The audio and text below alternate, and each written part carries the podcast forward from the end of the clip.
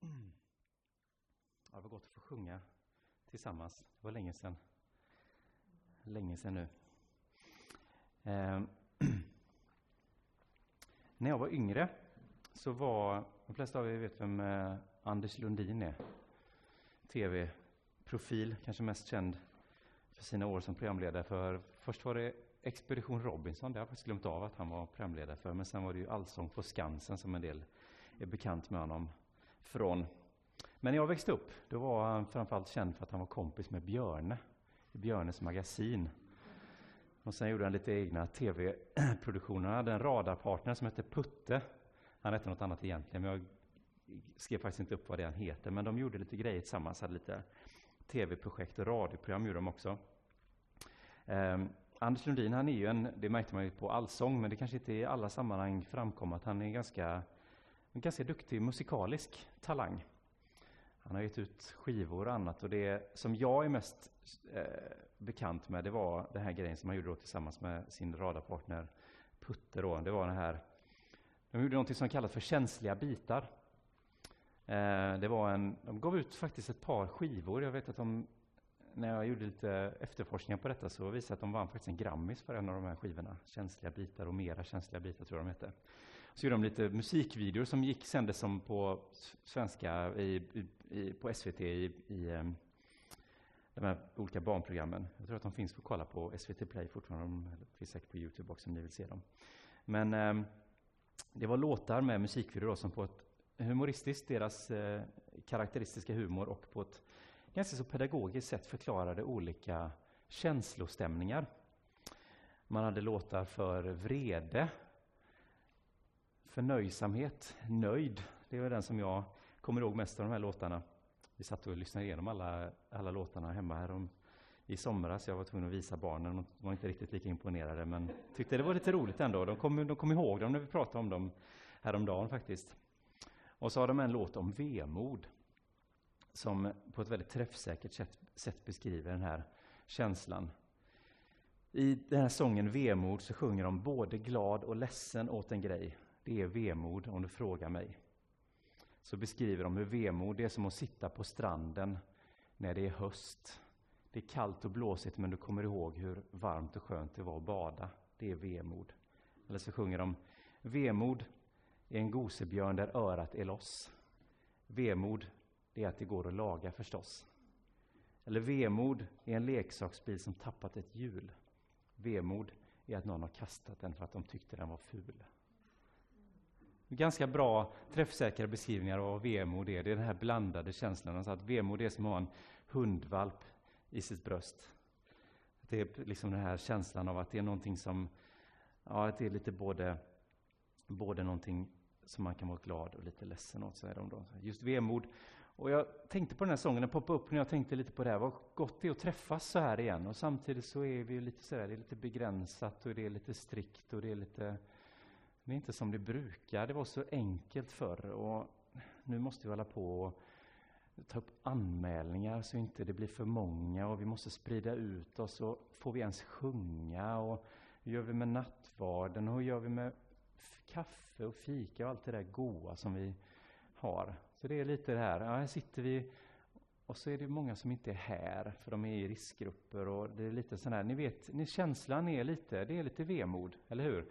Det är ju en del som är med i riskgrupper som är här i alla fall. Så att, men det finns andra som inte är här, som också är med i riskgrupper, eller av andra anledningar känner att man kanske inte dyker upp just idag vid ett sådant tillfälle. Man kanske fortfarande känner att man... Ja, ni vet vad jag menar. Ni vet vad jag menar, vet vad jag menar. Eh, sådär. Vemod, det, åh vad gott att se er, jag skulle vilja krama om er men jag kan inte. Det är lite, lite vemod. Och så tänker jag att ja, men det är ju sådär, sådär är det ju bara. Vi får ju bara leva med det. Det är lite vemod. Det är lite, vår mänskliga tillvaro är ganska mycket vemod ibland. Och jag tror att Paulus, han hade nog kunnat nynna med lite igenkännande i den här sången. Han sa, jag har fått lära mig att klara mig med det jag har. Jag kan leva fattigt och jag kan leva i överflöd. Jag har verkligen erfarenhet av allt. Att vara mätt och att hungra, att leva i överflöd och att lida brist. Därför att allt förmår jag genom honom som ger mig kraft. det är lite vemod, det är inte så bra alltid, ibland är det jättebra, det är lite upp och ner, det regnar ibland och solen skiner ibland, men genom allt detta får vi behålla en grundton av tacksamhet och glädje. Det om vemod. Jag tänker att det, får, det hänger med lite, det går lite i vartannat här. Jag har några tankar som jag vill dela med er idag. Um, det finns en amerikansk ståuppkomiker som heter Pete Holmes som har en... Han är, jag har inte känt till honom så mycket sen tidigare, men han dök upp. Det var någon som pratade om honom, jag hörde en intervju med honom. Och han har en väldigt intressant bakgrund. Han är uppvuxen i ett evangelikalt kristet hem. Han hade tänkt att han skulle bli ett ungdomspastor, men sen tog livet en liten brokig omväg och han blev ståuppkomiker istället.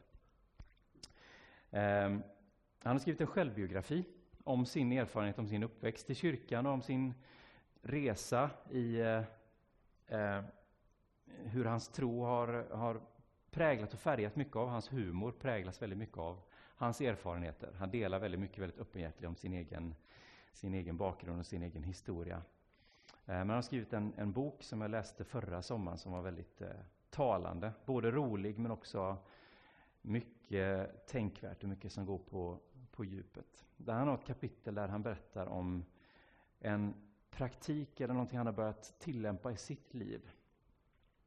Han berättar att eh, han och hans familj, hans fru och, och, dotter, de bor nära en botanisk trädgård.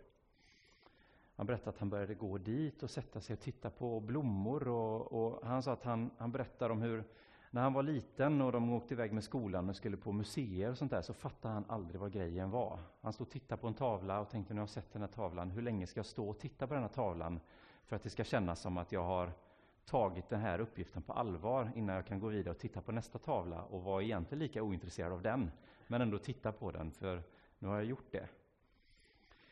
Eh, och han berättade om den här botan, botaniska trädgården och så satt, berättade han att han satt ner på en bänk och bara tittade och försökte liksom vara där i stunden och njuta. Och, och så, så satt ett par vid bänken jämte och så var det någon blomma och så säger, jag vet inte om det var mannen eller hustrun i paret som sa, ja, sån här blomma finns hem, hemma på det här, i, eller det här området, eller de nu hade varit.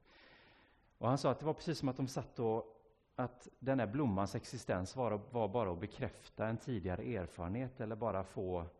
Han drog en parallell till, sina, till sitt museibesök, att det var bara någonting att riva av. Nu Har jag sett den här blomman, nu har jag sett den här blomman, nu har jag sett den här blomman.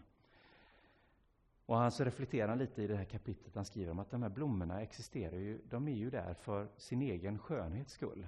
Kan inte vi då bara stanna upp och njuta av dem för vad de är? Måste de alltid bekräfta något jag redan vet eller någon redan tidigare erfarenhet? Kan vi inte bara njuta av det vackra? Och så fortsätter han reflektera, han gör en lång reflektion, det är värt att läsa det han skriver. Men han, det han landar i i alla fall är att han, han pratar om att han, det han har börjat med i sitt liv är att han har börjat med en, en praktik där han när han ställs inför någonting, en erfarenhet, han upplever något vackert i naturen eller vad det än kan vara, han hör fågelkvitter, så är hans naturliga, hans respons, det han vill vara, det han vill vara hans naturliga respons är att säga ja tack, eller yes thank you, till det han upplever. Um, och sen berättar han och målar ut detta, hur detta får vara hans respons. Att han, vill, han pratar om hur han, hans strävan är att försöka ha det som en grundinställning till allting som drabbar honom. Inte bara det vackra, utan även svårigheter. När han skriver den här boken så har han en liten dotter som är, jag tror hon är två kanske, hon är väl lite äldre nu, men när boken gavs ut så berättade han att hon, när hon vaknade på natten och han gick upp och hade henne och hon vägrade somna om. Han var uppe två timmar mellan två och fyra mitt i natten. Ni som har haft småbarn vet att responsen till det kanske inte är att vara full av glädje och tacksamhet över den förlorade sömnen. Men han sa att försöka ha den inställningen att här sitter jag nu mitt i natten med min dotter, hon vägrar somna om och jag är jättetrött och jag ska jobba imorgon. Men min respons, min inställning till detta är ett ja tack. Tänk att jag får sitta här med min dotter i famnen. Jag önskar att hon hade sovit, men att istället ha perspektivet att tänk att jag får ha en dotter Tänk att jag får ha en tid ensam med henne här och nu där ingen annan störas. Det är ingenting annat som pockar på min uppmärksamhet. Det är ingenting som, ingen som drar i mig någon annanstans ifrån. Det är mitt i natten, omständigheterna kunde varit bra mycket bättre. Men jag kan ändå säga ja tack till detta ögonblicket. Det är lätt att säga ja tack när allting är frid och fröjd och det är solen skiner. Men att säga ja tack när man promenerar till kyrkan och, och, och regnet helt plötsligt himlen öppnar sig och skyfallet kommer. Har vi ett ja tack? Vad finns ja tack i, i den stunden? Tacksamhet ändå för att jag är på väg att få möta mina vänner kanske. Jag tycker att detta uttrycker en enkel men en väldigt djup levnadsvisdom. Att man har den här grundinställningen av tacksamhet, att ta emot allt det där som livet drabbar oss med. Både det vackra och det jobbiga, det smärtsamma kanske. Vad är det för vits med att säga ja tack till att inte få sova på natten? Eller säga ja tack när semesterveckorna regnade bort? Eller säga ja tack när man blir stående på motorvägen med oljelampan lysande och en bil som vägrar starta? Eller säga ja tack när jag blir sviken av någon som jag litade på? Eller ja tack när jag drabbas av nyheten att någon närstående har gått bort. Eller ja tack när jag slås av en oväntad sjukdomsdiagnos. Det handlar inte om att förneka, att säga ja tack till alltihop och så bara låtsas som att det jobbiga inte drabbas. Att på något övermänskligt sätt vara någon slags supermänniska som står över alla omständigheter. Men det handlar om att kunna ta emot tillvaron som den är och ändå behålla den här djupa grundtonen av glädje och tacksamhet. Det är viktigt att skilja på glädje och lycka. Man kan vara ledsen och ha en grundton av glädje i livet. Man kan vara full av sorg, man kan vara arg, man kan vara full av smärta. Men ändå ha en grundton av glädje, tror jag, och tacksamhet. Vi är alla här. Vi lever nu. Vi vet inte om vi lever imorgon, men vi lever nu. Och det är en anledning att vara tacksam.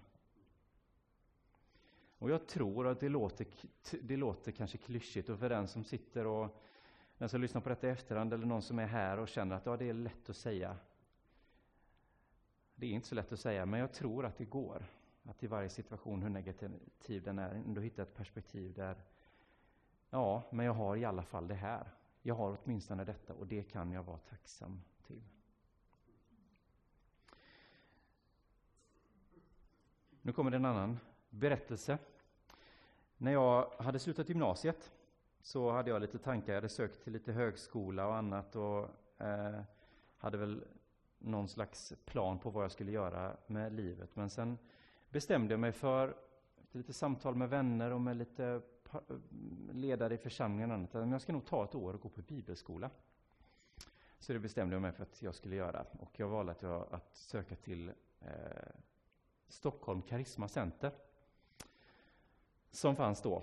Eh, och det som är både svagheten och styrkan med att röra sig i en ganska liten ankdamm som svensk frikyrklighet i allmänhet och pings, svensk pingströrelse i synnerhet är att det, utbudet är ganska begränsat. Det finns inte så jättemycket att välja på.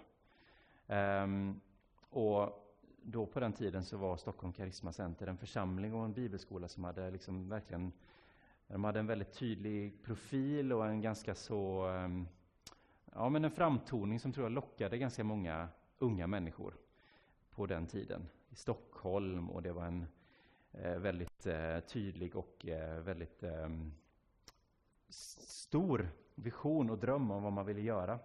Så det var väldigt spännande och lockande att ta sig dit. Eh, och I min hemförsamling så var det antingen åkte man dit eller så åkte man till, om man var lite våghalsig så sökte man till Livets Ord, gick deras bibelskola, var det som gjorde. Ehm, så jag sökte dit och flyttade dit. Ett, för ett år bodde jag i en lägenhet med några, eh, några andra grabbar. Eh, och vi hade en massa, en, alla möjliga olika slags lärare som undervisade i olika ämnen, men det var lite med skräckblandad förtjusning vi fick reda på att vi skulle ha Runar Sögaard som en av våra lärare.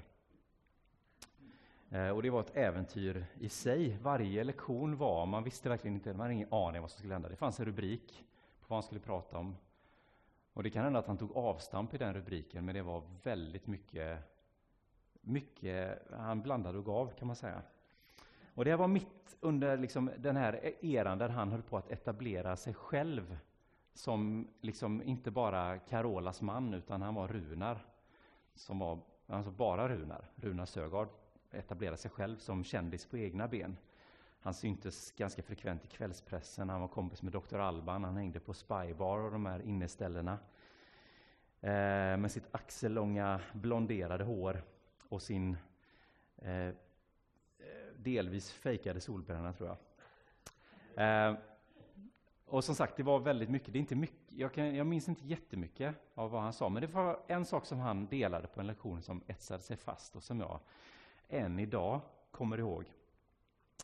Eh, han berättade att han ibland under den här perioden fick frågor av journalister som eh, undrade vad han tyckte i olika frågor. Vad tycker du om det här som har hänt nu? Eller vad tycker du om den här saken eller den här företeelsen, vad det nu kan vara? Och han berättade att han ofta svarade, jag har ingen åsikt i den frågan. Och journalisterna pressade på och sa, men du måste ju tycka någonting. Du måste ju ha en uppfattning om det här. Och han sa, nej, jag måste inte ha en uppfattning om det här. Och därför säger jag ingenting heller. Och det var kanske ingenting som de tryckte i tidningarna heller, för det är ju inte så roligt med någon som bara säger jag har ingen uppfattning, jag har ingen åsikt. Det är lite politiker över det kanske, men han var ganska ihärdig i det här. Jag tänker inte ha en uppfattning bara för att man ska det. Jag behöver inte tycka om någonting. Tänk om man jämför till exempel med GW Persson idag som har uppfattningar om precis allting eh, mellan himmel och jord. Eh, det kanske inte var samma filosofi där, men det jag inte visste då, men som jag kan nu se i efterhand, det var att Runar, utan att själv använda begreppet, han hade introducerat mig för den kontemplativa traditionen.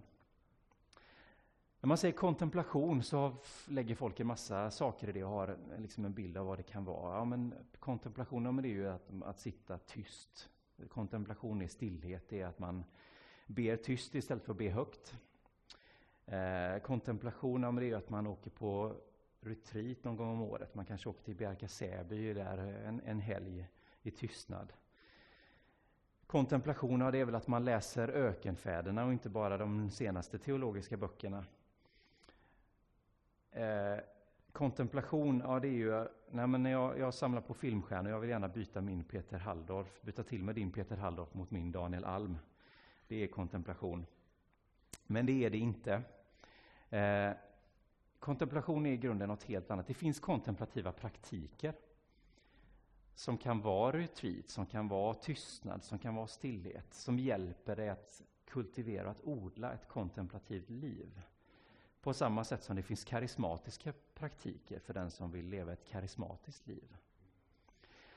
Nu säger jag inte detta för att liksom det är två olika motpoler. Jag tror att det är fullt möjligt att vara en kontemplativ karismatiker eller vice versa. Jag tror till och med kanske att hävda att det kanske är någonting vi kan sträva efter. Ordet kontemplation kommer från latinets contemplatio, eller contemplari, vilket brukar översättas med att uppmärksamt betrakta eller observera någonting. Kontemplation handlar om att lära sig att hålla en helhetsbild framför sig utan att göra hastiga bedömningar. Tänk att du håller två saker, en sak i varje hand, utan att välja den ena eller den andra. Kunna se båda och säga, ja, det kanske är både och. Lite som Runar, jag har ingen uppfattning, jag behöver inte välja. Eh, under medeltiden så växte det fram en tradition i eh, inom eh, kristendomen som kallas för skolastiken. En del känner till, eh, um, nu tappar jag namnet på honom bara för det, eh, Thomas av Aquinas, som var en känd teolog, en otroligt framträdande teolog under eh, 10-1100-talet kan man säga. Um, och var väldigt tongivande. Det var, I samband med detta så växer, det, växer universitetsväsendet fram och de teologiska utbildningarna, eller all, allmänt utbildningar överhuvudtaget på universitetsnivå. Men teologin eh, utvecklas väldigt mycket. Thomas av Aquinas är någon som läses än idag och som man refererar till i alla fall inom teologin i många avseenden. En annan av de här skolastikerna, Peter Abelard, han skrev en bok som heter Sic et non på latin. Det betyder ja eller nej eller ja och nej. Och det var en övningsbok i att kunna... Den tog upp ett antal teologiska problem och reflektioner och ställde två olika perspektiv mot varandra. Och så var utmaningen att lära sig att resonera, att reflektera kring båda förhållningssätten. Att kunna ta båda de här förhållningssätten och se, ja, det finns någonting i båda de här som kanske har någonting att säga. Och kanske är det det Jesus talar om när han undervisar sina lärjungar och säger döm inte. Vi läser ofta det som att vi inte ska döma andra människor och fördöma beteenden och fördöma människor var vara hastiga med domslut. Och det ligger ju mycket i det också. Men jag tror kanske också att det har att göra med det här att odla ett kontemplativt seende, att försöka hålla helheten, att kunna lyfta två föremål som till synes är varandras motpoler och betrakta dem utan att välja det ena eller det andra. Det är väldigt svårt för oss och väldigt svårt för oss i vår tid där samhället och debatten är så otroligt polariserad. Där vi hela tiden söker ytterligheter. Den politiska debatten är väldigt färgad av ytterligheter, att man står antingen på ena sidan eller på den andra. Men utmaningen är för oss att ha ett kontemplativt seende, att kunna se helheten utan att döma. Och då är det också lättare att balansera det som händer och det som drabbar oss i livet, för att knyta tillbaka till Anders Lundin och hans vemod sång. Det är att kunna se både det ljusa och det mörka i livet, utan att behöva kasta så mycket fram och tillbaka som fram och tillbaka av vinden, utan att kunna stå stadig och känna en trygghet och en fasthet i att Gud är med mig, vad som än händer. Vad som än drabbar mig så finns det ett, en djupare ström, det finns en djupare fåra för mina rötter att sträcka sig ner till, att hämta kraft ifrån.